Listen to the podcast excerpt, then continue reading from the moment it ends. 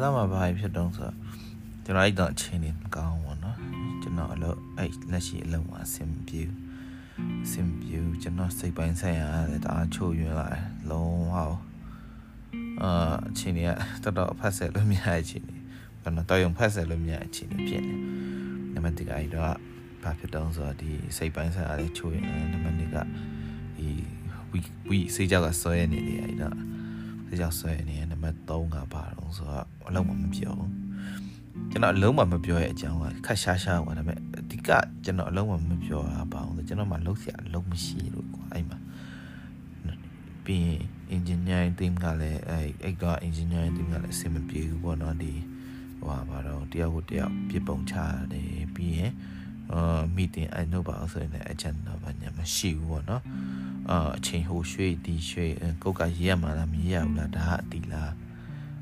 အတီမဟုတ်ဘူးလားအကယ်လို့အတီဖြစ်သွားပြီဆိုရေးနေတန်းတန်းပြီးသွားတဲ့အချိန်ကျမှဒါမဟုတ်တော့အကုန်လုံးအဆအဆုံးကုန်ပြင်ပြအဆအနေပြန်လို့ဒီကဘာလို့ကိုမရှိဘူးပေါ့နော်သူတို့စီမှာအဲ့လိုမျိုးဖြစ်နေတော့ကွာအာကျွန်တော်အတွက်အဆင်မပြေဘူးပေါ့နော်အဲ့တော့ဘာလို့လဲကျွန်တော်ရဲ့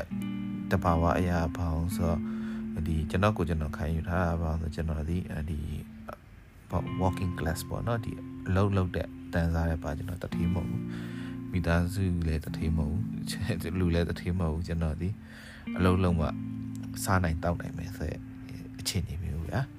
အဲ့လိုမျိုးဆိုတော့အဲ့လိုမျိုးကိုလုံးအဲ့အဲ့လိုမျိုးလုံးနေရဲ့အခြေအနေမှာကိုယ့်ရဲ့အလုပ်ကကွာပတ်စံမရှိပတ်စံရနေတယ်ဒါပေမဲ့ကိုက result မပေးနိုင်ဘူးဒါအားအားနာရောအားငယ်ကွာစိတ်ထဲထဲမတိုးမတန့်ဖြစ်တယ်ကွာသိလားဘာလို့ဆိုတော့ ကိုကတိတ်ဘာတော့တိတ် result မထွက်ပဲနဲ့သူများစီကပတ်စံအများကြီးပတ်စံလည်းအများကြီးယူနေရကြတော့စင်ပြေတော့ကွာအဲကျွန်တော်စိတ်ပိုင်းဆိုင်ကတော်တော်ထိသွားကွာအဲကြောင့်မလို့စေးကြောက်ဆွဲတယ်မှာအဲ့ဒါပါကွာကျွန်တော်ညညဆိုအိတ်မပြောကွာငါဘာလို့ဒီငါဘာငါငါဘာမှလည်းမလုပ်ဘူးပဲနဲ့လာစားရနေရဲ့အဲ့အတွက်ကြောင့်မလို့ငါဘယ်ချိန်များအလုပ်ဖြုတ်ခံမလဲအလုပ်ဘယ်ချိန်များအလုပ်ပြုတ်သွားမလဲပေါ့အဲ့ဒါတွေးပြီးကြောက်ရောကွာအားကြောက်ပြီးတော့အဲ့လိုမျိုးနေနေရပါတော့ဟာအဆင်ပြေဘူးပေါ့နော် ကြောက်စိတ်တွေအများကြီးပဲအဲ့တော့စိတ်ပိုင်းဆိုင်ရာတွေတော်တော်တစ်ခုချင်းပြန်ပြင်ရွရကျွန်တော်ဒီနောက်ပိုင်းမှာလဲအဲ့ဒါတွေကိုမလုံးဆိုတော့ရတစ်ခုချင်းစီစပြီးတော့ပြန်ပြင်ရတာကွာအာအဲ့လိုနဲ့ okay ပေါ့အဲ့မှာအဲ့ဒါတော်တော်နောက်ဆုံးအဆုံးအထိအဆင်ပြေရတဲ့အချိန်ကြီးရောက်တော့ကျွန်မကျွန်တော်အလုပ်စားရှာရမှာပေါ့နော်ပုံမှန်ကတော့ LinkedIn တို့ဘာလို့မှ casually browsing ပေါ့ဒါပေမဲ့နောက်ဆုံးအချိန်တွေတစ်ခုအရန်အသင်းမှာအချိန်တွေတစ်ခုဖြစ်သွားတဲ့အချိန်မှာကျွန်တော်မြင်ရတော့ကျွန်တော် LinkedIn မှာမူတဆုံးကြီးတဆုံးရှာတော့ရကွာအဲ့လိုကိုဒါပေမဲ့အဲဒါပေမဲ့အဲ့ချိန်တော့ကတော့ဒီ hiring season ပေါ့လားမသိခေါ်ရဲ့ company ရောများရပေါ့နော်အဲအဲ့အလုံးလုံးတော့ဆိုရှင်ဘာလုံးဆိုရှင်ဘာကျွန်တော် interview အလုပ်တွေပါပြဖို့အတွက် CV form တွေပါတင်တော့ဟာလေတကောဆန်းတာခုရှိရပါတော့ကျွန်တော်2000နဲ့မှ22 ဂျွန်လောက် yeah ဂျွန်လောက်မှာစပြီးကျွန်တော် interview ဆိုဘယ်လိုဖြစ်ရလဲပေါ့ညာစပြီးတော့အဲ subject တစ်ခုအနေနဲ့ကိုယ့်ကိုလေ့လာခဲ့ပေါ့နော် interview ဆိုတာ round ပေါ့နော်ခုရှိရ technical round ဆိုဘယ်လိုပြင်ရမလဲ coding round ဆိုဘယ်လိုပြင်ရမလဲ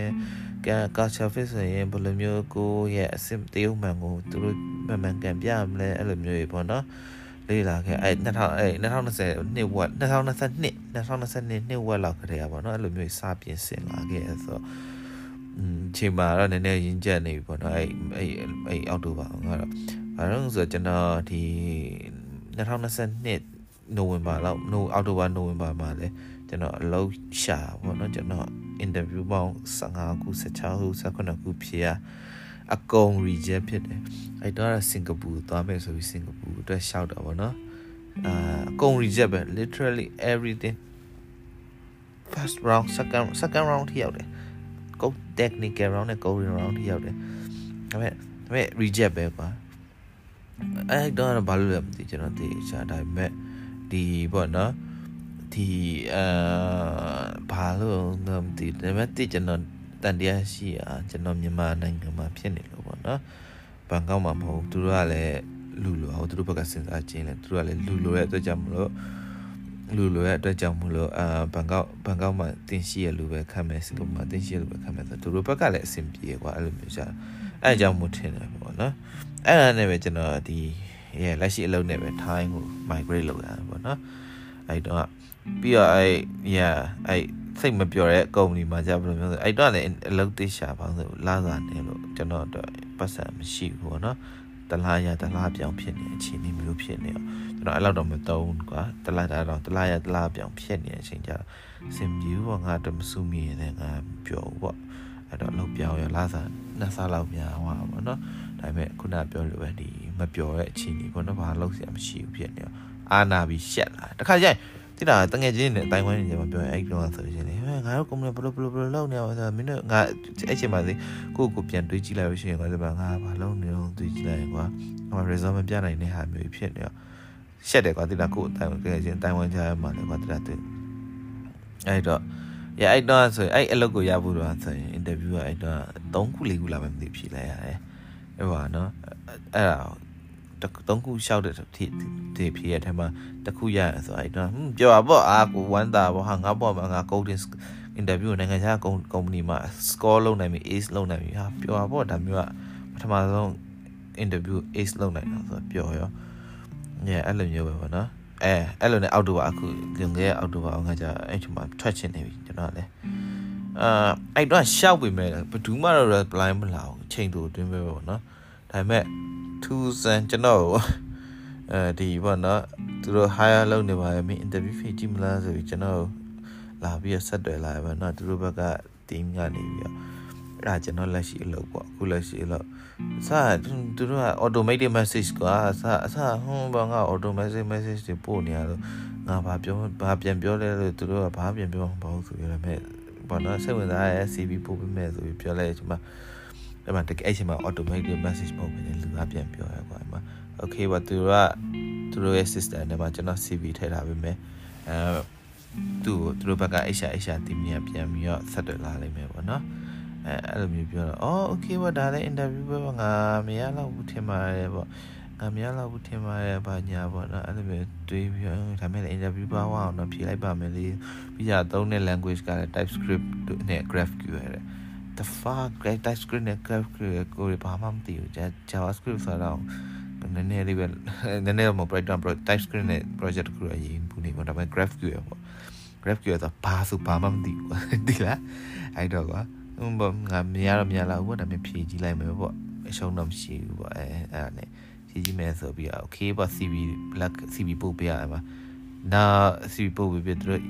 HR တင်ကဆက်တွေ့လာမယ်ဆိုတော့နောက်တရက်လောက်နေဆက်တွေ့လာရော အေးဒီဟာပေါ့မင်းဗမာဗညာမေးရပါတော့ဒီမလား GraphQL experience ဘယ်လိုရှိရော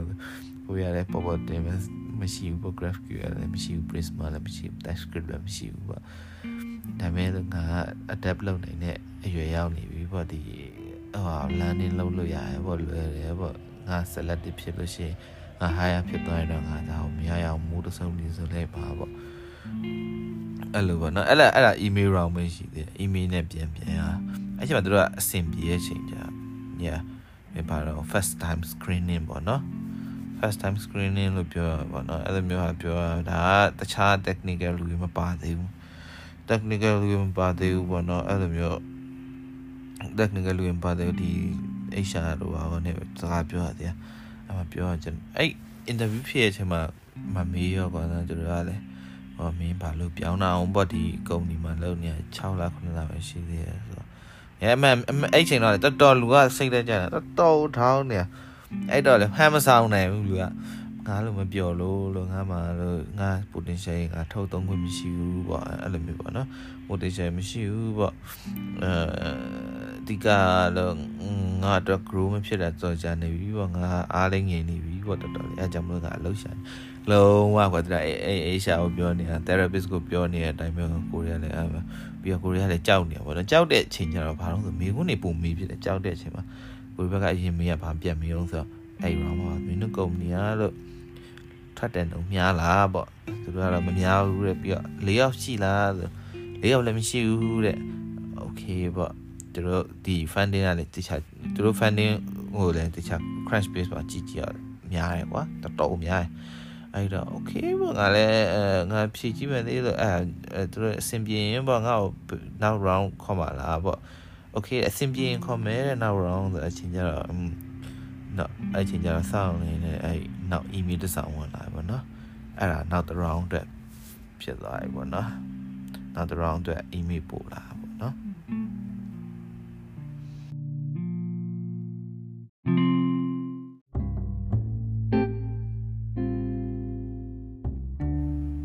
အာကဲဟွာအောက်တိုဘာလောက်ပြန်သွားရအောင်ပေါ့နော်ကြာကြာနေလေးလား ဆိုညံလိုက်တာချိန်ကုန်တာတော့ဟဲ့အောက်တိုဘာလောက်မှာဘာဖြစ်တုံးဆိုကျွန်တော်အဲ့တော့ချိန်နေမကောင်းဘူးနော်ကျွန်တော်အလုပ်အဲ့လက်ရှိအလုပ်မှာအဆင်ပြေအဆင်ပြေကျွန်တော်စိတ်ပိုင်းဆိုင်ရာလည်းတအားချို့ယွင်းလာတယ်လုံးဝအာအချိန်ကြီးကတော်တော်ဖတ်ဆက်လို့မရတဲ့အချိန်ကြီးဘာလို့တော့ရုံဖတ်ဆက်လို့မရတဲ့အချိန်ကြီးဖြစ်နေနံပါတ်1ကအဲ့တော့ဘာဖြစ်တုံးဆိုတော့ဒီစိတ်ပိုင်းဆိုင်ရာလည်းချို့ယွင်းတယ်နံပါတ်2က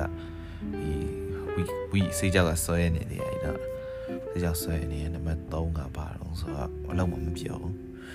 ကျွန်တော်အလုံးမမပြောရဲ့အကြောင်းကခက်ရှားရှားပါဒါပေမဲ့အဓိကကျွန်တော်အလုံးမမပြောတာပါအောင်ဆိုကျွန်တော်မှလုံးစရာအလုံးမရှိလို့ကွာအဲ့မှာပြီးရင် engineering team ကလည်းအဲ့အဲ့က engineering team ကလည်းအဆင်မပြေဘူးပေါ့နော်ဒီဟိုပါတော့တယောက်ကိုတယောက်ပြစ်ပုံချရတယ်ပြီးရင်အာ meeting အဲ့တော့ပါဆိုရင်လည်း agenda ဘာညာမရှိဘူးပေါ့နော် အာအချိန်ဟိုရွှေ့ဒီရွှေ့ကိုကရေးရမှာလားမရေးရဘူးလားဒါအတီလားအတီမဟုတ်ဘူးလားအကယ်လို့အတီဖြစ်သွားပြီဆိုရေးနေတန်းတန်းနဲ့ပြီးသွားတဲ့အချိန်ကျမှဒါမဟုတ်တော့အကုန်လုံးအဆအဆုံးကုန်ပြန်ဖြတ်အဆအနေပြန်လို့ဒီကဘာလို့ဆိုကိုမရှိဘူးပေါ့နော်သူတို့စီမှာအဲ့လိုမျိုးဖြစ်နေတော့ကွာအာကျွန်တော်အတွက်အဆင်မပြေဘူးပေါ့နော်အဲ့တော့ဘာလို့လဲကျွန်တော်ရဲ့တဘာဝအရာဘာလို့ဆိုဒီကျွန်တော်ကိုကျွန်တော်ခံယူထားတာဘာလို့ဆိုကျွန်တော်ဒီဒီ walking class ပေါ့နော်ဒီအလုံးလုံးတဲ့ တန်းစားတဲ့ပါကျွန်တော်တထေးမဟုတ်ဘူးမိသားစုလည်းတထေးမဟုတ်ဘူးလူလည်းတထေးမဟုတ်ဘူးကျွန်တော်ဒီအလုံးလုံးကစားနိုင်တောက်နိုင်မယ်ဆိုရအခြေအနေမျိုးဗျာအဲ့လိုမျိုးဆိုတော့အဲ့လိုမျိုးကိုလုံးအဲ့အဲ့လိုမျိုးလုံးနေတဲ့အချိန်မှာကိုယ့်ရဲ့အလုပ်ကကွာပတ်စံမရှိပတ်စံရနေတယ်ဒါပေမဲ့ကိုက result မပေးနိုင်ဘူးတအားအားနာရောအားငယ်ကွာစိတ်ထဲထဲမတိုးမတန့်ဖြစ်တယ်ကွာသိလားဘာလို့ဆိုတော့ ကိုကတိတ်ဘာတော့တိတ် result မထွက်ပဲနဲ့သူများစီကပတ်စံအများကြီးပတ်စံလည်းအများကြီးယူနေတာကြတော့စင်ပြေတော့ကွာအဲကျွန်တော်စိတ်ပိုင်းဆိုင်တော်တော်ထိသွားကွာအဲကြောင့်မလို့စေးကြောက်ဆွဲတယ်မှာအဲ့ဒါပါကွာကျွန်တော်ညညဆိုအိတ်မပြောဘူးကွာငါဘာလို့ဒီငါဘာငါငါဘာမှလည်းမလုပ်ဘူးပဲနဲ့လမ်းစာရနေရဲ့အဲ့အတွက်ကြောင့်မလို့ငါဘယ်ချိန်များအလုပ်ဖြုတ်ခံမလဲအလုပ်ဘယ်ချိန်များအလုပ်ပြုတ်သွားမလဲပေါ့အဲ့ဒါတွေးပြီးကြောက်ရောကွာအားကြောက်ပြီးတော့အဲ့လိုမျိုးနေနေရပါတော့ဟာစင်ပြေဘူးပေါ့နော် ကြောက်စိတ်တွေအများကြီးပဲအဲ့တော့စိတ်ပိုင်းဆိုင်ရာတွေတော်တော်တစ်ခုချင်းပြန်ပြင်ရွရကျွန်တော်ဒီနောက်ပိုင်းမှာလဲအဲ့ဒါတွေကိုအလုံးဆိုတော့ဒီတစ်ခုချင်းစီစပြီးပြန်ပြင်ရတာကွာအာအဲ့လိုနဲ့ okay ပေါ့အဲ့မှာအဲ့ဒါတော်တော်နောက်ဆုံးအဆုံးအထိအဆင်မပြေရတဲ့အချိန်ကြီးရောက်သွားကျွန်မကျွန်တော်အလုပ်စားရှာရမှာပေါ့နော်ပုံမှန်ကတော့ LinkedIn တို့ဘာလို့မှ casually browsing ပေါ့ဒါပေမဲ့ နောက်ဆုံးချင်းနေတစ်ခုအရန်တင်းမာတဲ့ချင်းနေတစ်ခုဖြစ်သွားတဲ့အချိန်မှာကျွန်တော်မရတော့ကျွန်တော် LinkedIn မှာမူတဆုံးရည်တဆုံးရှာတော့ရကွာအဲ့လိုကိုဒါပေမဲ့အဲဒါပေမဲ့အဲ့ချိန်တော့ဒီ hiring season ပေါ့လားမသိခေါ်ရဲ့ company ရောများရပေါ့နော်အဲအဲ့အလုံးလုံးတော့ဆိုရှင်ဘာလုံးဆိုရှင်ဘာကျွန်တော် interview အလုပ်တွေပါဖျားဖို့အတွက် CV form တွေပါတင်တော့ဟာလေတကောစမ်းတာခုရှိပါတော့ကျွန်တော် 2000နဲ့မှ22ဂျွန်လောက် yeah ဂျွန်လောက်မှာစပြီးကျွန်တော် interview ဆိုဘယ်လိုဖြေရလဲပေါ့ညာစပြီးတော့အဲ subject တစ်ခုအနေနဲ့ကိုယ့်ကိုလေ့လာခဲ့ပေါ့နော် interview ဆိုတာ round 1ခုရှိရ technical round ဆိုဘယ်လိုပြင်ရမလဲ coding round ဆိုဘယ်လိုပြင်ရမလဲ culture fit ဆိုရင်ဘယ်လိုမျိုးကိုရဲ့အစစ်တရုပ်မှန်ကိုသူတို့မှန်မှန်ကန်ပြမလဲအဲ့လိုမျိုးတွေပေါ့နော် လေ့လာခဲ့အဲ2000အဲ2020နှစ်ဝက်2022 2022နှစ်ဝက်လောက်ခရေပါတော့အဲ့လိုမျိုးစပြင်ဆင်လာခဲ့ဆိုတော့อืมချိန်မှာတော့နည်းနည်းရင်းကျက်နေပြီပေါ့နော်အဲ့အဲ့အဲ့အောက်တိုဘာကတော့ဘာလို့ဆိုတော့ကျွန်တော်ဒီ2022နိုဝင်ဘာလောက်နိုအောက်တိုဘာနိုဝင်ဘာမှာလဲကျွန်တော်အလုပ်ရှာပေါ့နော်ကျွန်တော် interview ပေါင်း15ခု16ခု18ခုဖြေရ အကုန် reject ဖြစ်တယ်အဲ့တော့စင်ကာပူသွားမယ်ဆိုပြီးစင်ကာပူအတွက်ရှောက်တာပေါ့နော်အာအကုန် reject ပဲ literally everything first round second second round ထိရောက်တယ်ကို technical round နဲ့ coding round ထိရောက်တယ်ဒါပေမဲ့ဒါပေမဲ့ reject ပဲပါအဲ့တော့ဘာလို့လဲမသိကျွန်တော်သိချာဒါပေမဲ့ဒီပေါ့နော်ဒီအဲဘာလို့ငါမသိဒါပေမဲ့တိကျွန်တော် တန်တရားရှိอ่ะကျွန်တော်မြန်မာနိုင်ငံမှာဖြစ်နေလို့ပေါ့နော်ဘန်ကောက်မှာမဟုတ်သူတို့ကလည်းလူလိုအောင်သူတို့ဘက်ကစဉ်းစားခြင်းလဲသူတို့ကလည်းလူလိုရဲ့အတွက်ကြောင့်မလို့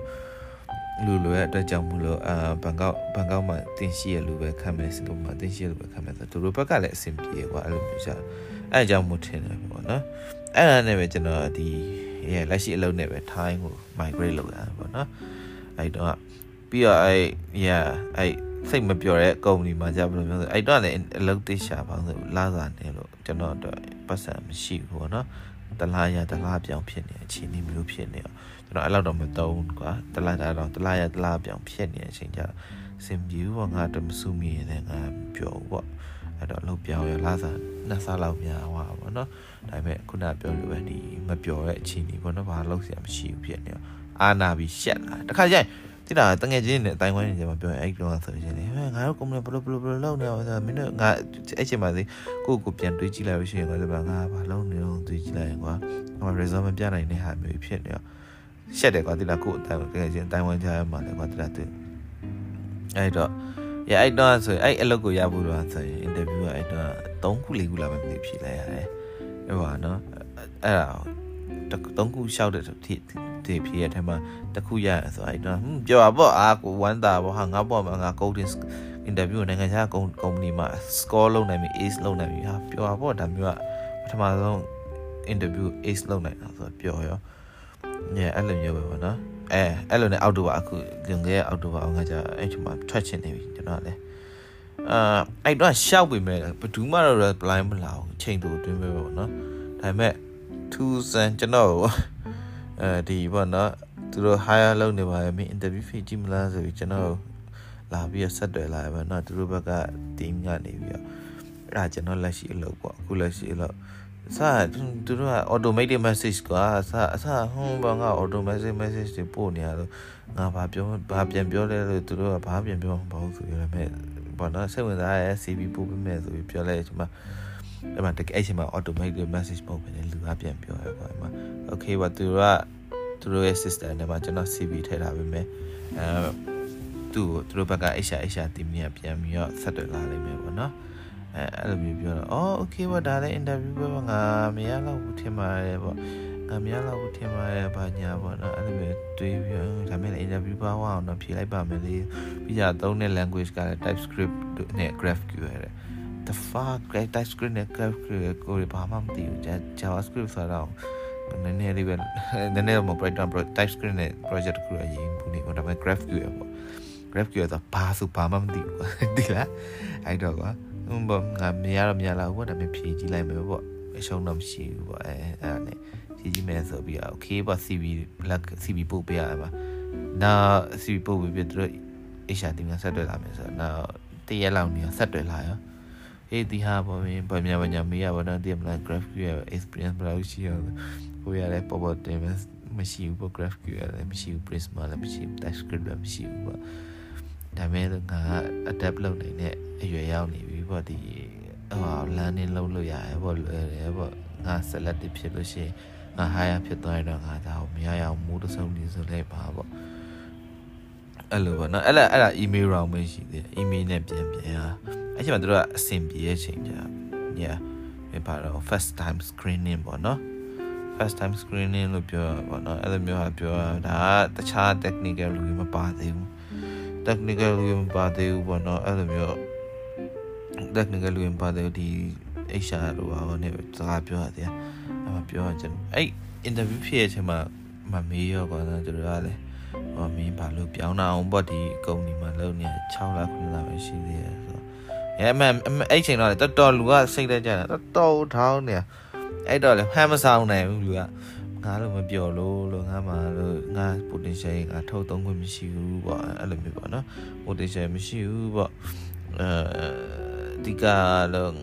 ငါတော့ grow မဖြစ်တာကြော်ကြနေပြီပေါ့ငါအားလေးငယ်နေပြီပေါ့တော်တော်လေးအဲကြောင့်မလို့ငါအလုပ်ရှာနေလုံးဝကွာတဲ့အဲအေရှာကိုပြောနေတာ therapist ကိုပြောနေတဲ့အတိုင်းမျိုးကိုရီးယားလည်းအဲ ပြီးတော့ကိုရီးယားလည်းကြောက်နေပါတော့ကြောက်တဲ့အချိန်ကျတော့ဘာလို့ဆိုမိခွန်းနေပုံမေးဖြစ်တယ်ကြောက်တဲ့အချိန်မှာကိုရီးဘက်ကအရင်မေးရဘာပြန်မေးအောင်ဆိုတော့အဲ့ round မှာမင်းတို့ကုမ္ပဏီကလို့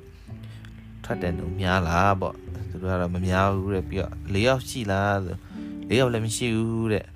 okay ပေါ့သူတို့ဒီ funding ကလည်းတခြားသူတို့ funding ဟိုလည်းတခြား crash base ပါကြည့်ကြည့်ရ များတယ်ကွာတော်တော်များတယ်အဲ့တော့ okay ပေါ့ငါလည်းငါဖြည့်ကြည့်မယ်လေလို့အဲသူတို့အဆင်ပြေရင်ပေါ့ငါ့ကိုနောက် round ခေါ်ပါလားပေါ့ okay အဆင်ပြေရင်ခေါ်မယ်တဲ့နောက် round ဆိုအချိန်ကျတော့နောက်အဲ့ချိန်ကျတော့စောင့်နေတယ်အဲ့နောက် email တစ်ဆောင်ဝင်လာပေါ့နော်အဲ့ဒါနောက် round အတွက်ဖြစ်သွားပြီပေါ့နော်နောက် round အတွက် email ပို့လာ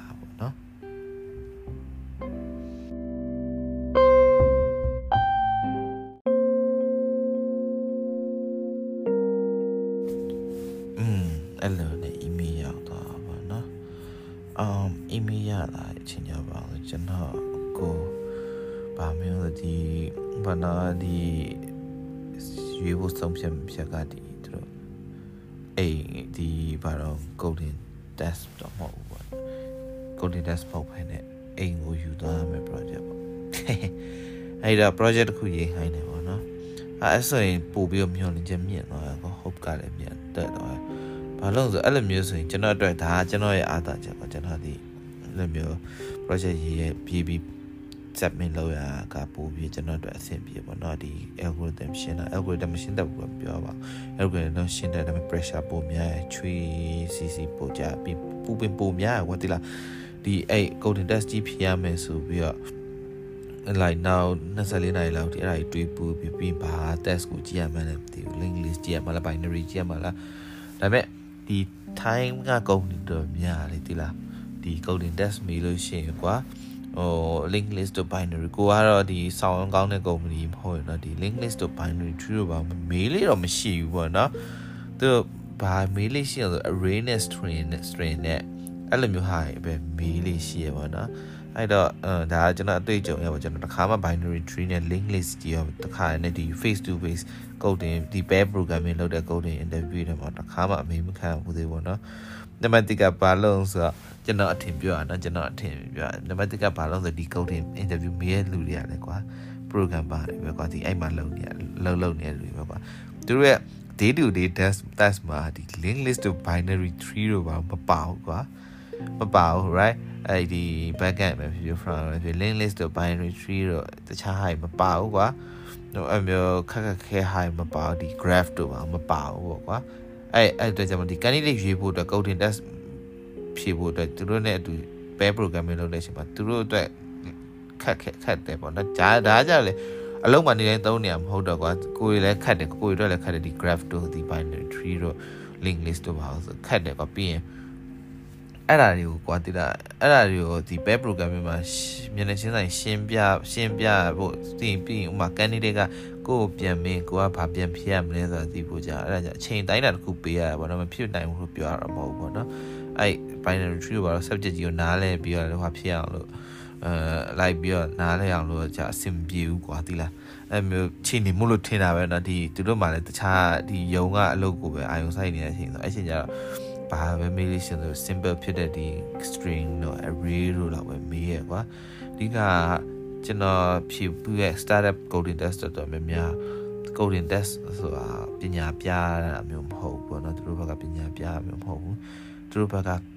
သိကျင်တာဘာသိကျင်လို့ဆိုကိုယ်စီကနေဘာမျောလင်းလို့ရမလဲဆိုတာသိကျင်တာကိုဟာ problem solving ကောင်းတဲ့လူလားဒါမှမဟုတ်လို့ရှင်အဲ့ဒီမသိလို့ရှင် communicative ပဲလုပ်နိုင်တဲ့လူလားအဲ့လိုမျိုးဟာအများကြီးအများကြီးရှိရပေါ့နော်အဲ့ဆိုကျွန်တော်အဲ့ချိန်မှာကျွန်တော်နည်းနည်း coding test ပါဝါလာချင်ကြအဲ့လိုမျိုးပေါ့နော်အဲ့လိုမျိုးတိလာချင်ကြအော်အချိန်ကျ coding test maybe ဆိုလို့ရှိရင်အဖြေကိုရအောင်ရှာပြရပါတော့ရှာပြီးအဲ့ချိန်မှာလဲ အဲတော်တော်အဲ့ချိန်မှာလဲအဲဒီ interview ရဲ့လူနဲ့လဲဟို communicate ကမရှင်း communication မပြောဘူးနော်စကားအမြဲပြောနေပါတော့ဒီနေရာမှာဥမာ like ဥမာဒီနေရာမှာတခြား approach ရှိရဒီညမှာ hash map တုံးမတုံးဝဲနဲ့ for loop ပတ်ပြီးတခုချင်းတိုက်စစ်မယ်ဆိုရင် time space time complexity မြင်သွားတယ်နဲ့ဒီ bit notation ကပါဘလို့ဘလို့အဲ့လိုမျိုးပြန်ပြောပြခွင့်ရှိရပါတော့အဲ့ချိန်ကျတော့စကားကမြန်ပြောကိုအဲ့ coding problem ပေါ်မူတည်ပြီးတော့ ကိုနားလဲဟာထုတ်ဖို့ပြောတာပြောပြောပြခွင့်ရတဲ့အချိန်တိုင်းတော့ခွင့်ရသမျှဟာအကုန်ပြောပါတော့ဘာလို့ဆိုကိုစကားများများပြောလေကိုမှားမှလည်းမကြောက်နဲ့ကွာမှားလည်းဘာမှမဖြစ်ဘူးကိုစကားများများပြောလေသူတို့စီကဘာမျောလင်းရမလဲများများမျောလင်းရမလဲဆိုတော့သူပူတိတာပေါ့နော်ပူပူတိရပေါ့နော်သူတို့စီကလည်း yeah ဒါပေမဲ့အခုကျွန်တော်ဒီဖြေမဲ့အခုအဲ့တွန်းဖြေခဲ့မှာမှာ golden test မပါဘူးပေါ့နော်ဘာပေါင်းဆိုဒီ AP project လောက်ရပါတော့ အဲ့ချိန်မှာပေးရ project က GraphQL နဲ့ group ပါပဲအဲ GraphQL နဲ့ဒီ project simple project ပါပဲဒါပေမဲ့ကျွန်တော် GraphQL ဆို zero experience က hand on experience zero ကလုံးဝမသိဘူး GraphQL ဆိုဘာဆိုဘာမှမသိဘူးကွာအဲ့တော့ဘာလို့ကန်ကောင်းသွားတာကျွန်တော် crash course တက်လိုက်တယ် crash course ကြည့်ပြီးကိုယ့်အလောင်း course ကွာဒါကိုယ့်အလောင်း course အဲ့ဗီဒီယိုကလူနဲ့အတူ live ပြီးကုတ်ရရ course ကွာအဲ့လိုမျိုးဆိုသူဘယ်လို live လုပ်တယ်ဘာညာတင်မလဲအဲ့ချိန်မှာဘာမှဘာမှမသိဘူး resolver query mutation ဘာမှမသိဘူးကွာအဲဘာလို့ live ဖက်ရ his high ဖက်အဲ့အဲ့ project 82နာရီတွင် submit လုပ်ပါဆိုတော့ကျွန်တော်အများနဲ့ကျွန်တော်စိတ်ထဲမှာပါဆိုဒီလိုမျိုးဟာမျိုးဆိုရှင်82နာရီပြည့်မြူလို့မရှိဘူးကျွန်တော်လည်းပြင်ပန်တယ်ကွာ48နာရီတွင်ပဲအများဆုံး submit လုပ်ပြီးတော့ ကျန်တဲ့အချိန်ကိုကြာယူတည်မလားနည်းနည်း short that documentation တွေလောက်စမ်းတာပါညာဆိုတော့အဲအဲကျွန်တော်ရဲ့ coding test ပုံမှန်တော့48ကို sorry အဲအဲ project test ဆိုလို့ရှိရင်48နာရီကနေပြီးတော့ဒီဟောဘောနော် somewhere around နိုင်60ကြာပဲယူရပေါ့နော်ကျန်တဲ့အပြည့်မြူပေါ့အပြည့်မြူအဲ့လိုမျိုးဆိုတော့ငယ်အဲ့မှာ project တော့ရေးလိုက်တယ်ကွာ project အဲ့ home test တွေပါယူလို့ရှိရင်ဘာဘာလို့ရမလဲဆိုရှင်ဒီမှာ your in ဆိုပြီးတော့ဒီဒီမှာကိုဆက်မအလုပ်လုပ်ဆိုပြီးရတဲ့မထက်လိုက်နေပေါ့နော်အဲ့ချင်းကဘယ်လိုလုပ်တဲ့နော်ဆိုအဲ့ပြီးသွားရင် GitHub ကို push push ပြီးလို့ရှိရင်ရှိကို machine များ setup တွေအဲ setup တွေဖြတ်ပေါ့နော်ဒီဟိုဟာ Docker rise လောက်ထိုင် Docker ဟာ Docker rise လောက်ထိုင်ပိုကောင်းတဲ့ Docker ဟာပဲဖြတ်လိုက်အောင်ဆိုတော့အဲပိုအကောင်းဆိုတော့နောက်ထပ် laptop တစ်လုံးရှိရင်ပိုကောင်းပါတော့ပြီးရင်ကို setup guideline ကိုကြည့် ကြည့်ပြီးရှင်ရင် setup guideline တကိုရေးထား setup guideline အတိုင်းလိုက်ပြီးတော့ setup လုပ်ကြည့်ပေါ့နော်အဲ့တော့နှစ်ခါသုံးခါအနည်းဆုံးလုပ်ပါဘာလို့ဆိုရင်ကိုရေးထားတဲ့ project ကြီးထပ်ပြီးရဲ့အချိန်ကြာမှာကွာကိုရေးထားတဲ့ project ကြီးထပ်ပြီးထားတဲ့အချိန်ထပ်ပြီးသွားတဲ့အချိန်ကြာမှာ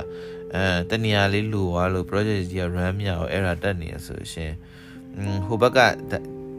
ရှစ် project ကိုကြည့်နေတဲ့လူကဒါ technical တမမဟုတ်လို့ရှင်ကွာတိလားတကယ်လဲစမ်းနေတဲ့အချိန် technical တမလည်းမဟုတ်ဘူးဆိုလို့ရှင်တော့ကွာသွားပြီအဲအဲ့ဆိုကိုကိုကိုဆက်ကြည့်ရမှာမဟုတ်တော့ဘူးဒါပေမဲ့ technical တမဆိုရင်အော် तू ကဒါလေးလိုကားလို့ဆိုပြီးအဲ့ဒါလေး bypass လောက် walk around လေးထည့်ပြီးတော့လုပ်လို့ရှိလိမ့်မှာပေါ့နော် ဒါပေမဲ့အများရန်ကိုယ့်ဘက်ကနေပြီးအများရန် solid ဖြစ်နေအောင်ပြင်ဆင်ပေါ့နော်အဲ့ဒါကတော့ကျွန်တော်အကြံပေးရပါဒါပေမဲ့ကျွန်တော်တီးတဲ့လောက်ကတော့ကိုယ့် review လောက်ပဲလုပ်တယ်ရှင် project ကိုအစားဆုံးလိုက်တော့ set up မလုပ်ဒါပေမဲ့ကိုယ့်ရဲ့ guideline documentation guideline လည်းဖတ်တယ်ပေါ့ဆို document ရေးရတယ်ဒီ program မှာအလုပ်တော့မှာဟာတယ်ဒီ scale ကိုအနေနဲ့ပါဆိုတော့သူတို့ကြည့်ရပေါ့နော်အဲ့ဒါအဲ့ဒီပါอืมအဲ့လိုဆိုတော့ အာအဲ့တော့ဖြေလိုက်တယ်ဗောနော်ပြထက်လိုက်ပြောโอเคဗောဒါပဲဗောငါနောက်တစ် round ရခြင်းရပါမရရင်လည်းမရပါဒါပေမဲ့လိုချင်တယ်ဗောအမကုမ္ပဏီကြောင်းသွားကြည့်ရကုမ္ပဏီတော်တော်စိတ်ဝင်စားဖို့ကောင်းကွာဘာလို့ဆိုဒီ document ရေးထား documentation တွေရေးထားတယ်တော်တော်မိုက်တယ်ကွာပြီးသူတို့ဒီ playground တွေပါလေထားထားပြီး graphic playground နဲ့ဒီသူရဲ့ sub ဒီဟိုပေါ့နော်အဲကိုယ်တိုင်တွားကြည့်လို့ရပါဘောနော်ဒီပြီး knowledge based documentation ဥပမာ ဥပမာဘယ်ဟာဘယ်လိုလုပ်လုပ်တယ်ဘယ်ဟာဘယ်လိုလုပ်တယ်ဆိုပြီး customer အတွက်ရှင်းပြထားပြရတယ်တော်တော်ကောင်းတယ်ပါဒီလားဗီဒီယိုနဲ့မဟုတ်စာရရှိပေါ့နော်စာရှိနဲ့ရှင်းပြထားတာဆိုတော့အာကြည့်ပြဟာပေါ့အဲ့ချက်မှာတော်တော်လိုချင်သွားကွာတက်ပတ်တော့ဟာပေါ့အဆင်ပြေအဆင်မိုက်တာပဲပေါ့အဲ့လို environment မျိုးမှာမလုပ်ရရင်တော့ driving ဖြစ်တယ်ပေါ့လုံးဝငါတော့တနေ့တနေ့ပင်ပန်းပြီးတော့ပင်ပန်းပြီးတော့ ပင်ပန်းညင်းညူပြီးတော့အိမ်ပြန်လာမှတော့အဲ့လိုမျိုးတတိယပါအဓိကခုနပြောလို့ကျွန်တော် working class ကအလုံးမလုပ်ရရင်မနေနိုင်တဲ့လူပါအဲ့လိုမျိုးအလုပ်ကိုတင်တနေ့တနေ့မဟုတ်တနေ့တနေ့တနေ့မှာတစ်ခုမဟုတ်တစ်ခုလုံးစရာရှိနေပါအဆင်ပြေပါလုံးမရှိဘူးဆိုနားနေရဘယ်လို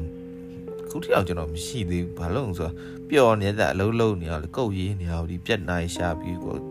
ပြက်နိုင်ရှာရှာပြီးပြက်နိုင်ရှင်အဲ့ဒါတွေအဲ့ဒါနဲ့တော့တစ်လက်တစ်လက်နေပြီးပျော်ပြီးတော့ အဲ့ကုမ္ပဏီအကြောင်းကြည့်ပြီးဟာအဆင်ပြေပေါ့အဆင်ပြေရှင်ကြတော့ပေါ့ငါရကျင်တယ်ပေါ့အဆူတောင်းဆူတောင်းပြီးတော့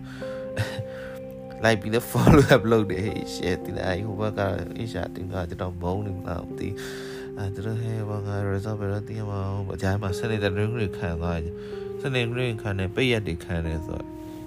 yeah အဲ့ဒါဆိုတော့ဟဟာလူကလည်းတင်မလား result ကိုလေ ပုံမှန်ဆိုရှင်ဒီနေ့ရေး2ရက်လောက်နေတည်ရမှာကွာဒါကြားထဲမှာစနေတနင်္ဂနွေစနေတနင်္ဂနွေမပြောရအောင်လူကအဲ့ထဲပဲစိတ်ရောက်နေငါဘာပြန်လို့ရတော့ငါဘာပေးတင်တော့ငါဘာဖြစ်တင်တော့ငါဘာလို့မြည်မှာတော့ငါရွေးလို့ရှိရင်ဘာလို့ရွေးမှာတော့ငါမြည်ဘာလို့အများကြီးပဲကွာမိကုန်းเนี่ยအဲ့ဒီချိန်မှာတဲ့အာလူကကြရက်ကွာဒီလားဟိုလက်ရှိလောက်ကလည်းကွာဒီလားပြုတ်စွာလဲနန်းနေပြီကွာဒီလားဟိုဘာလို့ဆရာမမရှိတော့ဖြစ်နေကွာအဲ့လိုချင်းနေမျိုးကြီးဆို အာစင်ပြေဥတော့ငါရရင်ရပါစေပေါ့ဖူတောင်းလှုပ်ရှားရဲ့ချိန်မှာကွာတိလားတအားပင်ပန်းတာအဲ့ဒါကွာတိလားကိုရွေးခံမလားမြူးခံမလားကိုဘာမျောလင့်ရမလဲအဲ့ဒါမသိရတော့ကွာတိလားဒီကျွန်တော်ပြောလို့ပဲအင်တာဗျူးဖြစ်လို့ရှိရင်ငါဒါကိုလုံးဝရပြီဆိုပြီးစိတ်ထဲမထားနဲ့ပေါ့နော်အဲ့မျိုးဆိုရင်လည်းကျွန်တော်လည်းထားသေးရပါ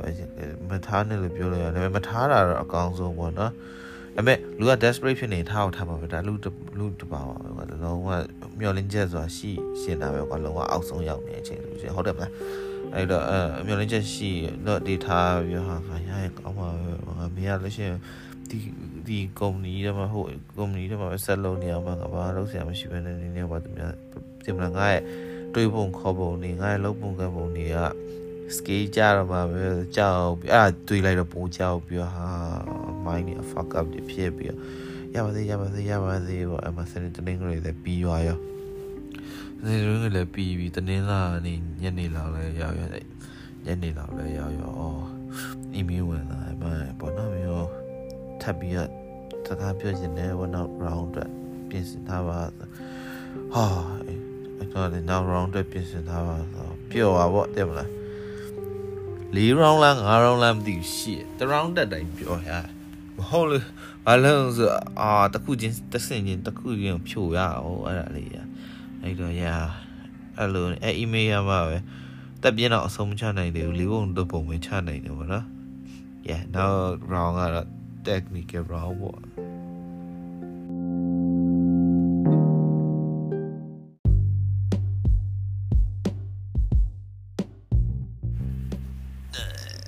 အန်ကော back ညာလားမသိဘူး audio တွေ upload ဖြစ်တာ locally ရင်တွင်တာအဲ့ဒါနဲ့ထားပါတော့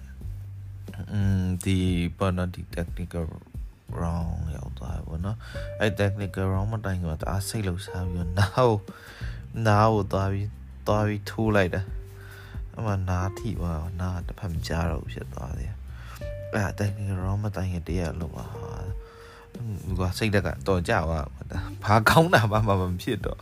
အာတေးပါပဲတော့ငါဘလို့ဘလို့ဘာလို့လဲငါစင်ပြေဖြစ်နေ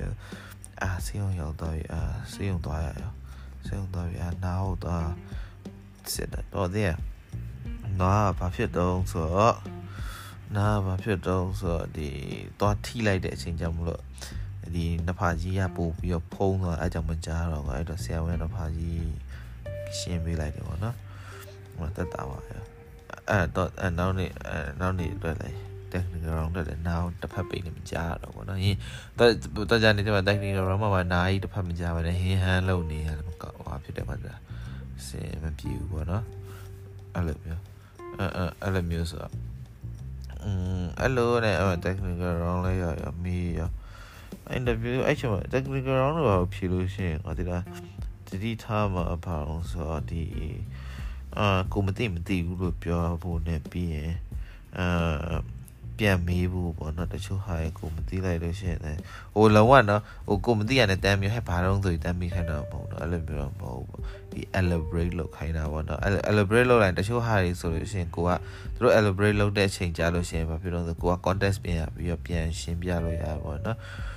ဥမာ like database transition ကြောင့်ပြီးလို့ရှိရင်ကိုက တိတာပါအောင်ဆိုတော့အဲ့မှာအတွဲလိုက်တော့ပါတယ်ဟို database database query ခေါ်တယ်ဒါပေမဲ့ database transition ကဘာကြောင့်သုံးလဲဆိုတာမျိုးမေ့သွားတဲ့အချိန်ဖြစ်ပါမေ့ပါပဲကျွန်တော်ကလောက်အများကြီးပဲဒီ database transition ကဘယ်လိုမျိုးတော့အချိန်မှသုံးလဲဆိုအဓိကဆိုလို့ရှိရင်ဘာလို့ဆိုဒီ query တစ်ခုခု run ရဲ့ query transition တစ်ခု fail လာအကုန် rollback ပြန်လုပ်တာမျိုး အဲ့လိုမျိုးဆိုအဲ့လိုအဲ့ဒါမျိုးပေါ့နော်ဒါကဥမာပြောပါတော့ကျွန်တော်မသိရမသိအဲ့အဲ့အဲ့ဒါပေါ့နော်အဲ့လိုမျိုးမေးရောဒီအဓိကပြင်တော့တစ်ခုပါကျွန်တော် JavaScript ကို translate လုပ်လို့ရှိရင် JavaScript နဲ့ပတ်သက်တာမေးကြရခွန်သိလား Yeah အဲ့ဒါ JavaScript ကဒီလား interview ဖြေလို့ရှိရင်တော်တော်မေးလို့ကောင်းတဲ့ language တွေမှာပါတယ်ကွာသိလား PHP ရောပါလို့ဆိုရှင်ဘာတိတ်တော့မေးစရာမရှိဘူးကွာကျွန်တော်မေးတော့မေးစရာရှိရောဒါပေမဲ့ဟိုတိတ် fan မဖြစ်ဘူးကွာဒီလားရှင်းပြရတာမျိုးကွာ JavaScript တော့ပါဆိုရင်အဆင့်အဝိတ်လို့ပါတော့အဆင့်အဝိတ်လို့ event loop တို့ပါရှင်းပြရတော်တော်ပြောဖို့ကောင်းတယ်ကွာဒီလားအာပြောဖို့ကောင်းတယ်ကွာဒီလားအဲ့ချိန်ကြတော့အော် okay ပေါ့အဖြည့်အမျိုးပါနော်ဖြည့်လို့ကောင်းတယ်ပေါ့နော်ဒီ database question တွေနဲ့ဖြည့်လို့ကောင်းတယ်မ interview မှာ technical round ပါကိုတည်ထားတယ်သေးစိတ်ပြောပြလို့ရပါဘောနော်ပြီး technical round ရေးကြည့်ရပါအောင်ဆိုတော့ yeah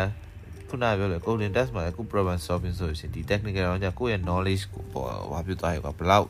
တိထားတော့ပေါ့ဒီ fee မှာဒီဘယ်နှစ်နှစ်လောက်ပြီးကြားတယ်တိလားမတိလားမေးရပေါ့နော်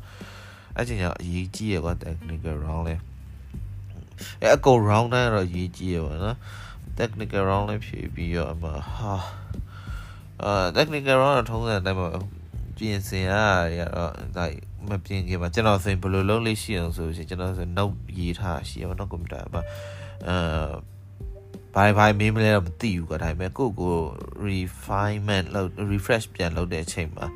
ကြည့် refresh လုပ်တဲ့အချိန်မှာဘာပြန်ကြည့်ဥပမာ like load balancer ဆိုတာဘယ်လိုသုံးတော့ load balancer ဆိုတာဘယ်ချိန်သုံးတော့ပြီးရင် load balancing နည်းဘယ်နှခုရှိအောင် IP hash round robin အဲ့လိုမျိုးကြီးကွာအာကြက်တာမျိုးတော့မဟုတ်ဘူးပေါ့နော် ကယ်ရီများငါမိသွားရင်သူတို့မေးရဒါမျိုးတွေနဲ့ပတ်သက်လာရင်ငါ mention လုပ်ဖို့ဟာလေးဆိုပြီး list လုပ်ထားတာပေါ့နော်အဲ့လိုမျိုးလေးပေါ့နော်အာအများကြီးပဲကျွန်တော်အဲ့တော့ interview ဖြေကနေပြင်ထားတဲ့ note တွေဆိုတော့အရင် interview ရဲ့အတွေ့အကြုံတွေရအောင်ပါသူတို့မေးလေးရှိရမေးခွန်းလေးတွေအဲ write down လုပ်ထားပါတော့ဒါပေမဲ့ JavaScript နဲ့ပတ်သက်တဲ့မေးခွန်းတွေကတော့တအားကောင်းတယ်တအားဖြေလို့ကောင်းတယ်ကိုကိုလည်းကွာတင်တယ်အော်ငါဒါတိနေပါလားဆိုကိုကိုလည်းကွာ လိုပြောမလဲကိုယ့်ကို appreciate လုပ်တယ်ကွာတဲ့အော်ငါဒါအောင်ဖြေလိုက်တယ်ကွာ JavaScript နဲ့ပတ်သက်တဲ့ interview ဖြစ်မယ်ဆိုရှင်အဲအဲ့အာ event loop တို့အဲဟိုဟာတော်တော်များများကြည့်သွားကွာတော်တော်လည်းစိတ်ဝင်စားဖို့ကောင်းတယ်အဲ့ဒါရလေ technique the fuck bluetooth okay ထားပါလားအဲ့အဲ့ပါကွာအဲ့အဲ့ဒါပေါ့နော်အဲ့ technical round မှာပါဖို့ပေါ့နော် javascript က technical round မှာပါဖို့ဒီ အပြင်မှာလည်းဒီအလုံးခွမ်းခွင့်မှာလည်းအကုန်အသုံးပြန်ချရတယ်ပေါ့နော်သူတို့မေးတယ်များဟာအကုန်လုံး relate လုပ်ပြီးသုံးချလို့ရတယ်ပေါ့နော်အဲ့လိုမျိုးဆိုရ technical round လည်းရေးပါတယ်တော်လေးကိုရေးပါတယ်ရေးပါတယ်ရေးပါတယ်ပေါ့နော်အဲ့လိုနဲ့ဖြည့်ပြီးတော့ထုံးစံနိုင်တယ်ဖြည့်ပြီးတော့ပိတ်ရက်ကနောက်တစ်ရက်လားမသိရှိရပေါ့ဘာနေလဲမသိအဲ့တော့အာတော့ထွက်ငါကာရှာဖေးရောက်ချင်လားရောက်လားမရောက်လားသိချင်ပြီပေါ့ငါလည်းအရန်လည်းလိုချင်တယ်လောက်ဒီလောက်ကိုပေါ့ ဘာဒါပေမဲ့သူစံကျွန်တော်နောက်ဆုံးအဲ့မှာဖြေခဲ့တယ်မှာသူတို့ဘာကြည့်အောင်ဆိုကျွန်တော်ရဲ့ contribution တွေလိုက်ကြည့်တာပဲတဲ့ KHAP တို့ပါအဲ့တော့ကွာတိလား technical round မလို့ဆိုပြီးတော့လေဒီမှာကိုကိုမျိုး technical နဲ့ပတ်သက်တာမျိုးပဲဆိုပြီးတင်တော့ဒီ interview ဖြစ်နေချိန်မှာကိုက LinkedIn ရ GitHub ရ and then like Medium မှာစောင်းဝရှင်း GitHub တို့ပါမှာဒီမှာ mention လုပ်ထားပါတော့ကိုရဲ့ intro ထဲမှာအဲ့လိုမျိုးကြီးလုပ်ထားပြီးသူတို့အတွက် ပိုကြည့်စရာကိုစီကနေပိုကြည့်စရာများလို့ရှိရင်ပိုပြီးမျောလင်းစရာများပေါ့နော် Facebook profile ပေးခိုင်းတာမျိုးတော့မဟုတ်ဘူးပေါ့ကွာသိရမလားကို contribute career နဲ့ပတ်သက်ပတ်သက်ပြီးတော့ဒီဘာ contribute လုပ်ထားလဲဘာညာသိရအောင်လို့သူတို့ဒီကိုလုပ်ထားဟာအလုပ်တွေတော်တော်များဒီ mention လုပ်ပေါ့နော်ဒီ media မှာလည်းသူတို့ကြည့်ပါအဲ့မဲ့တော့ဒီ company တိုင်းကြည့်ရင်ပြောတော့ဒီ company ကတော့တော်တော်ကြည့်ပြီးတော့လေဒီမှာသိချာရွေးရပါတော့သိချာခန့်တာပေါ့ yeah technical round ပေါ့အဲပိတ်ရပြီးရနောက်တရက်လည်းမကြောက်နောက်တရက်လောက်နေမှကြားရတယ်ထုံးတယ်ညနေလောက်မှရောက်တဲ့ချိန်ကျမှနောက်တဆင့်ကိုဆက်သွားရအောင်ဆိုပြီး email ဝင်လာအေးရှာစီပြီးတော့အဲ့ဒါတော့အချိန်ကျမှလူကလည်းလေဒီလားတဲ့လုံးဝကွာရလုံးဝတပြင်းတပြင်းကလေးဖို့တဝက်ချနိုင်သွားဒါပေမဲ့ကွာအဲ့ချိန်မှာဘာလို့ဆိုပူပြီးတော့မျောလင်းချက်ပူများသွားကွာဒါဘာလို့ဆိုတော့ technical round ဆိုအခက်ဆုံးကိုကိုတော့ အဲ့ဒါတော့ pass တယ်သူတို့ကလည်းဆက်တွေ့ကြတယ်ဆိုတော့ငါဒါ progress တခုပဲပေါ့နော်ငါတော်ကြီးရဲ့ progress တခုပဲငါအဲ့ချိန်မှာခြား link ရနေပြီးတော့ကျွန်တော် interview ဖို့ဆက်တွေ့လာရရှိအဲ့ဒါတွေအကုန်လုံး scene မပြထားဘူးသိမလားဟို ghost of ghost တီးဘူးပေါ့နော်ဘာလို့ဆိုတော့ဒီမှာအဆင်ပြေနေပြီပေါ့နော်ဒီမှာအဆင်ပြေနေနည်းနည်းမိအဆင်ပြေနေပြီဆိုတာပြောနေကြတယ်ဒါအများလာပေါ့နော်အဲ့တော့ဆိုရှင်တမျိုးကွာရောင်းပြောတခါနဲ့လေတော့ အဲ့ email ကိုတွေ့ရချင်ပါလေခါပြုံးသွားအပြုံးသွားကွာဒီလုံးဝอืมကိုယ်ရောက်တာရုပ်ရှင်ပြန်အပြုံးတော့ပြန်ထဲတော့လေအဲ့လိုအဲ့လောက်ထိကိုကွာကုန်ဘာဖြစ်တော့ပျော်ရကွာဒီလားဟာအဲ့ဒါအမျိုးပေါ့နော်အဲ့လိုနဲ့တပြင်းချပြီးတော့မှ now round အတွက်ပြန်ပြော culture fit ကတော့ဒီပပပပါပဲဆိုတော့ဩပေါ့အဆင်ပြေပါပါဗျာ culture culture fit အတွက်ပြင်ဆင်ရအောင်ပေါ့နော်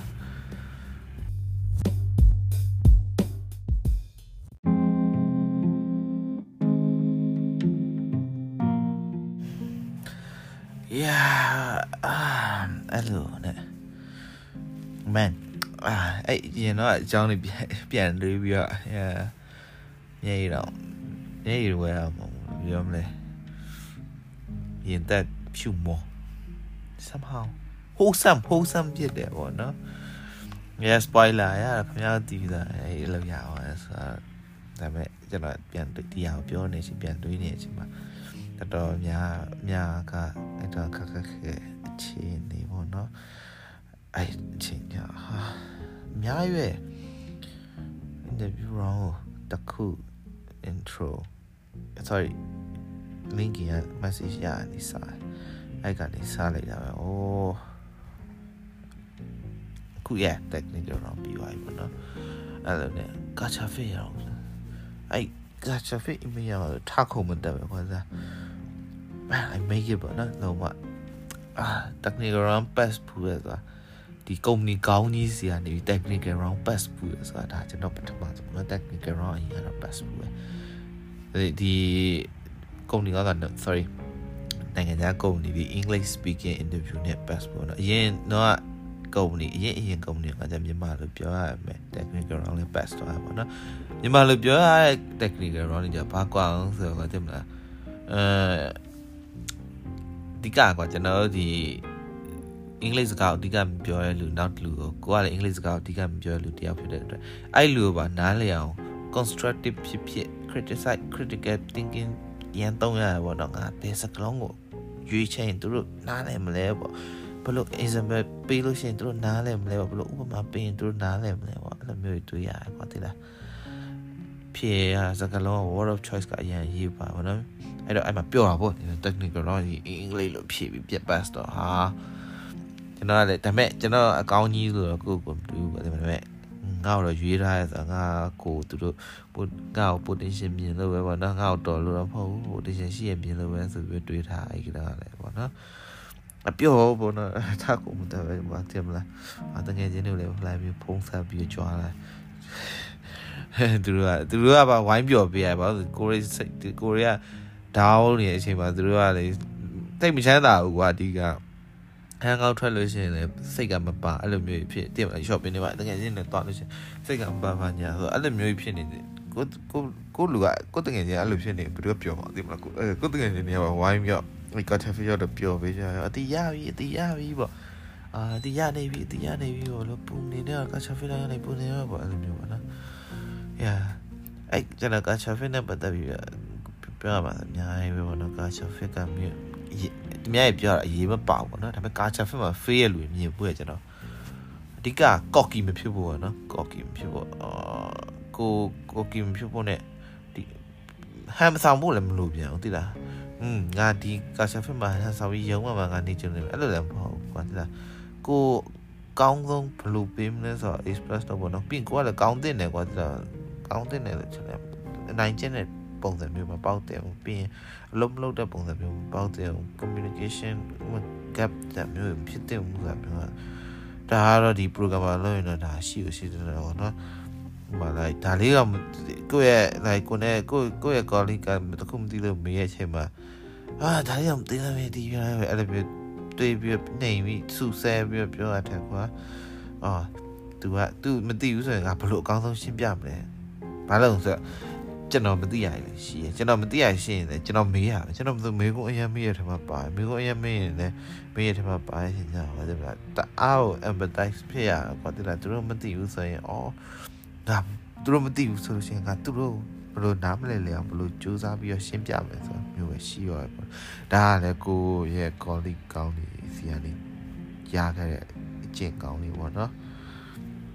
အဲ့လိုကိုနေအာ အာကာဆာဖေးရောက်သွားရကာဆာဖေးမှာကာဆာဖေးကဒီကျွန်တော်က backend engineer ကို backend engineer ပဲပါတော့မဟုတ်တော့တခြားကိမလူတယောက်စီပါလာရောကွာတိလားဟာအဲ့ချိန်ကြတာကွာတိလားအဲ့ချိန်အဲ့ round ပေါ့ပေါ့ပါပဲဘာလို့ pressure မရှိအောင်ဘာလို့ဆိုတော့အဓိကကွာခုနပြောပြောဖို့မိပါခုနက technical round ဒီ round မှာ interview ရဲ့လူပေါ်လဲအရန်မှုတည်း interview တက်တာနဲ့ interview တက်တာနဲ့ကုတ်ရေးတက်တာတူကွာတိလား interview တက်တာလေစကေးရွယ်ကွာတိလားအဲ့လိုမျိုးဆိုတော့ interview တက်တဲ့လူတွေပဲပြီးတော့အာကိုကလည်းအောက်ပုတ်ကောင်းကောင်းပေးနိုင်တယ်ကိုကတိလားသူတို့မေးသမျှဟာတွေအာကာရှာဖစ်လေ confidence တော်တော်ရှိသွားပါတော့အဲ့ရှိပါအာငါ interview တက်တဲ့လူမေးရပဲပေါ့ငါ့ကိုမေးနေတဲ့လူတွေငါနဲ့ interact လုပ်နေလေ interview တက်တဲ့လူတွေလုပ်မေးရပဲဆိုပြီးတော့အာနဲ့အာပျော်ပြီးတော့အာကာရှာဖစ်လည်းဖြစ်ကာရှာဖစ်ကြပျော်စရာကောင်းတယ် most likely ကာရှာဖစ်ကခုနကကျွန်တော် fail လို့ပြောရမယ်ကျွန်တော်အတွက်တော့ပျော်စရာကောင်းတဲ့ round ပဲပေါ့နော်ဘာလို့လဲဆိုတော့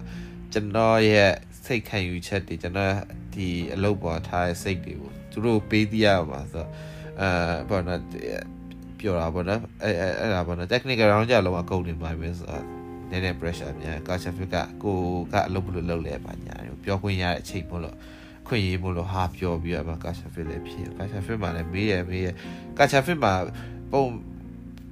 ကဲလို့ကွာတဲ့သူကကိုတငယ်ချင်းလို့ပုံစံစကားပြောနေပြီဆိုအသေးချာကွာ passport ကတော့သေချာပြီအဲ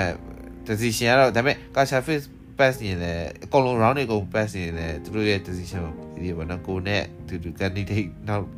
3 4 5ရက်လောက်ရှိနေတယ်အဲ့ထက်ကကောင်းတဲ့ဟာပဲတရားခေါင်းခေါက်ယူရပါကွာတည်မလားအဲ့လိုဆိုတော့ယာအဲ့ဒါကာချာဖစ်လေးဖြည့်ပြီးအောင်တော့ပဲအဲ့ခုနပြောလို့အဲ့စိတ်ကြီးကဝင်ပြီးငါပြုတ်သွားနိုင်သေးရပဲတစ်စစ်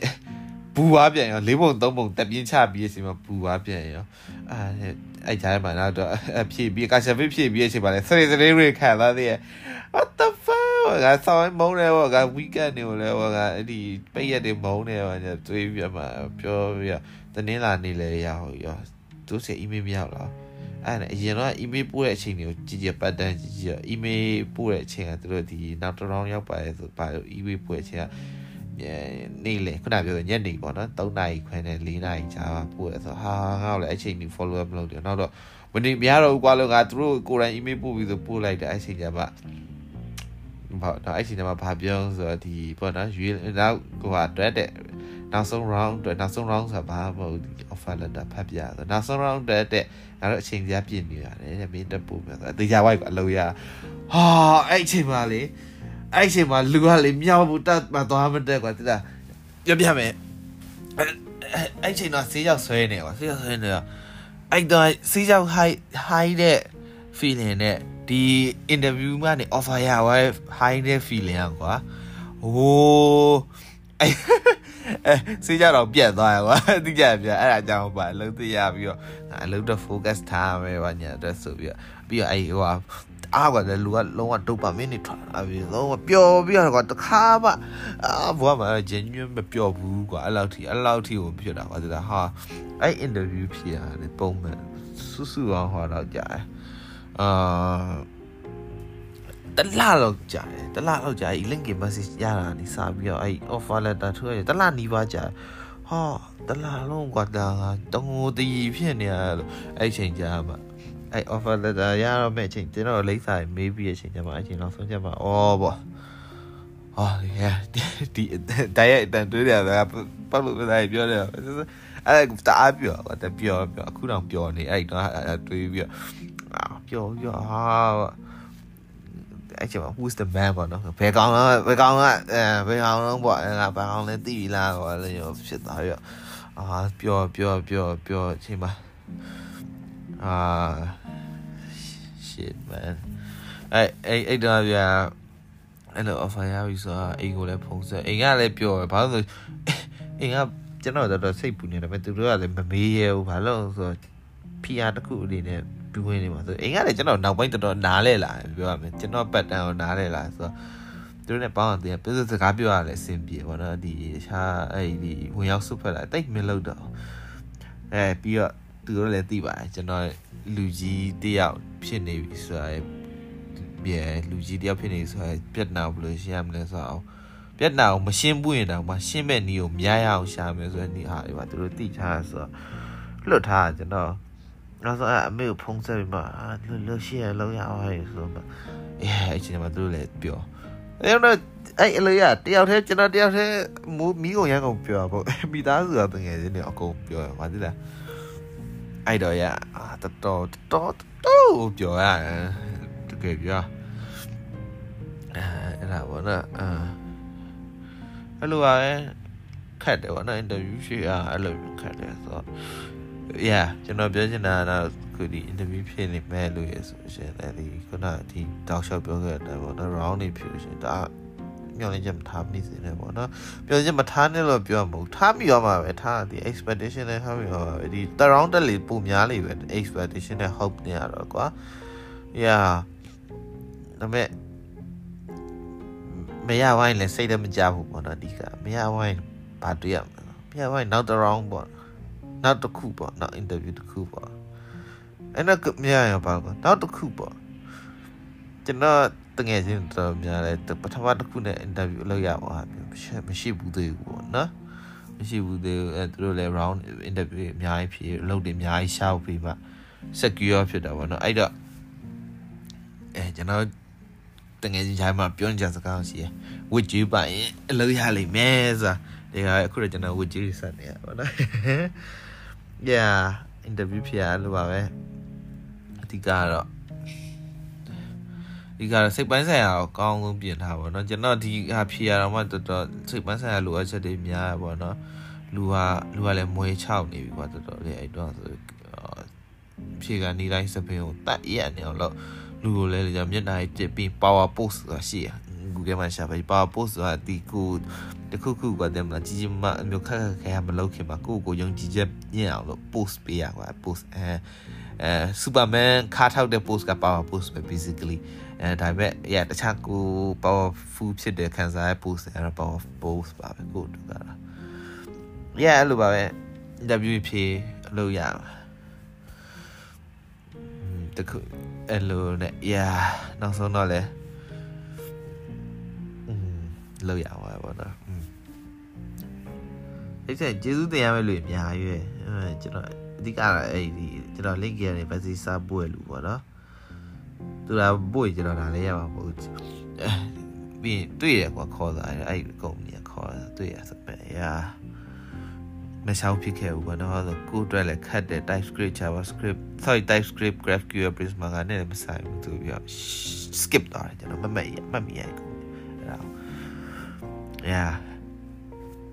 အဲ့လိုပါပဲ engineering team လည်းကောင်းတယ်လုံးလုံးနေတာအ ကုန်ကောင်းတယ်အကုန်ကောင်းတယ်ဟိုပြစ်တောင်မတွေ့သေးဘူးကျွန်တော်ဘောအဆင်ပြေဆုံးချိန်ပေါ့เนาะဒါလေးကတော့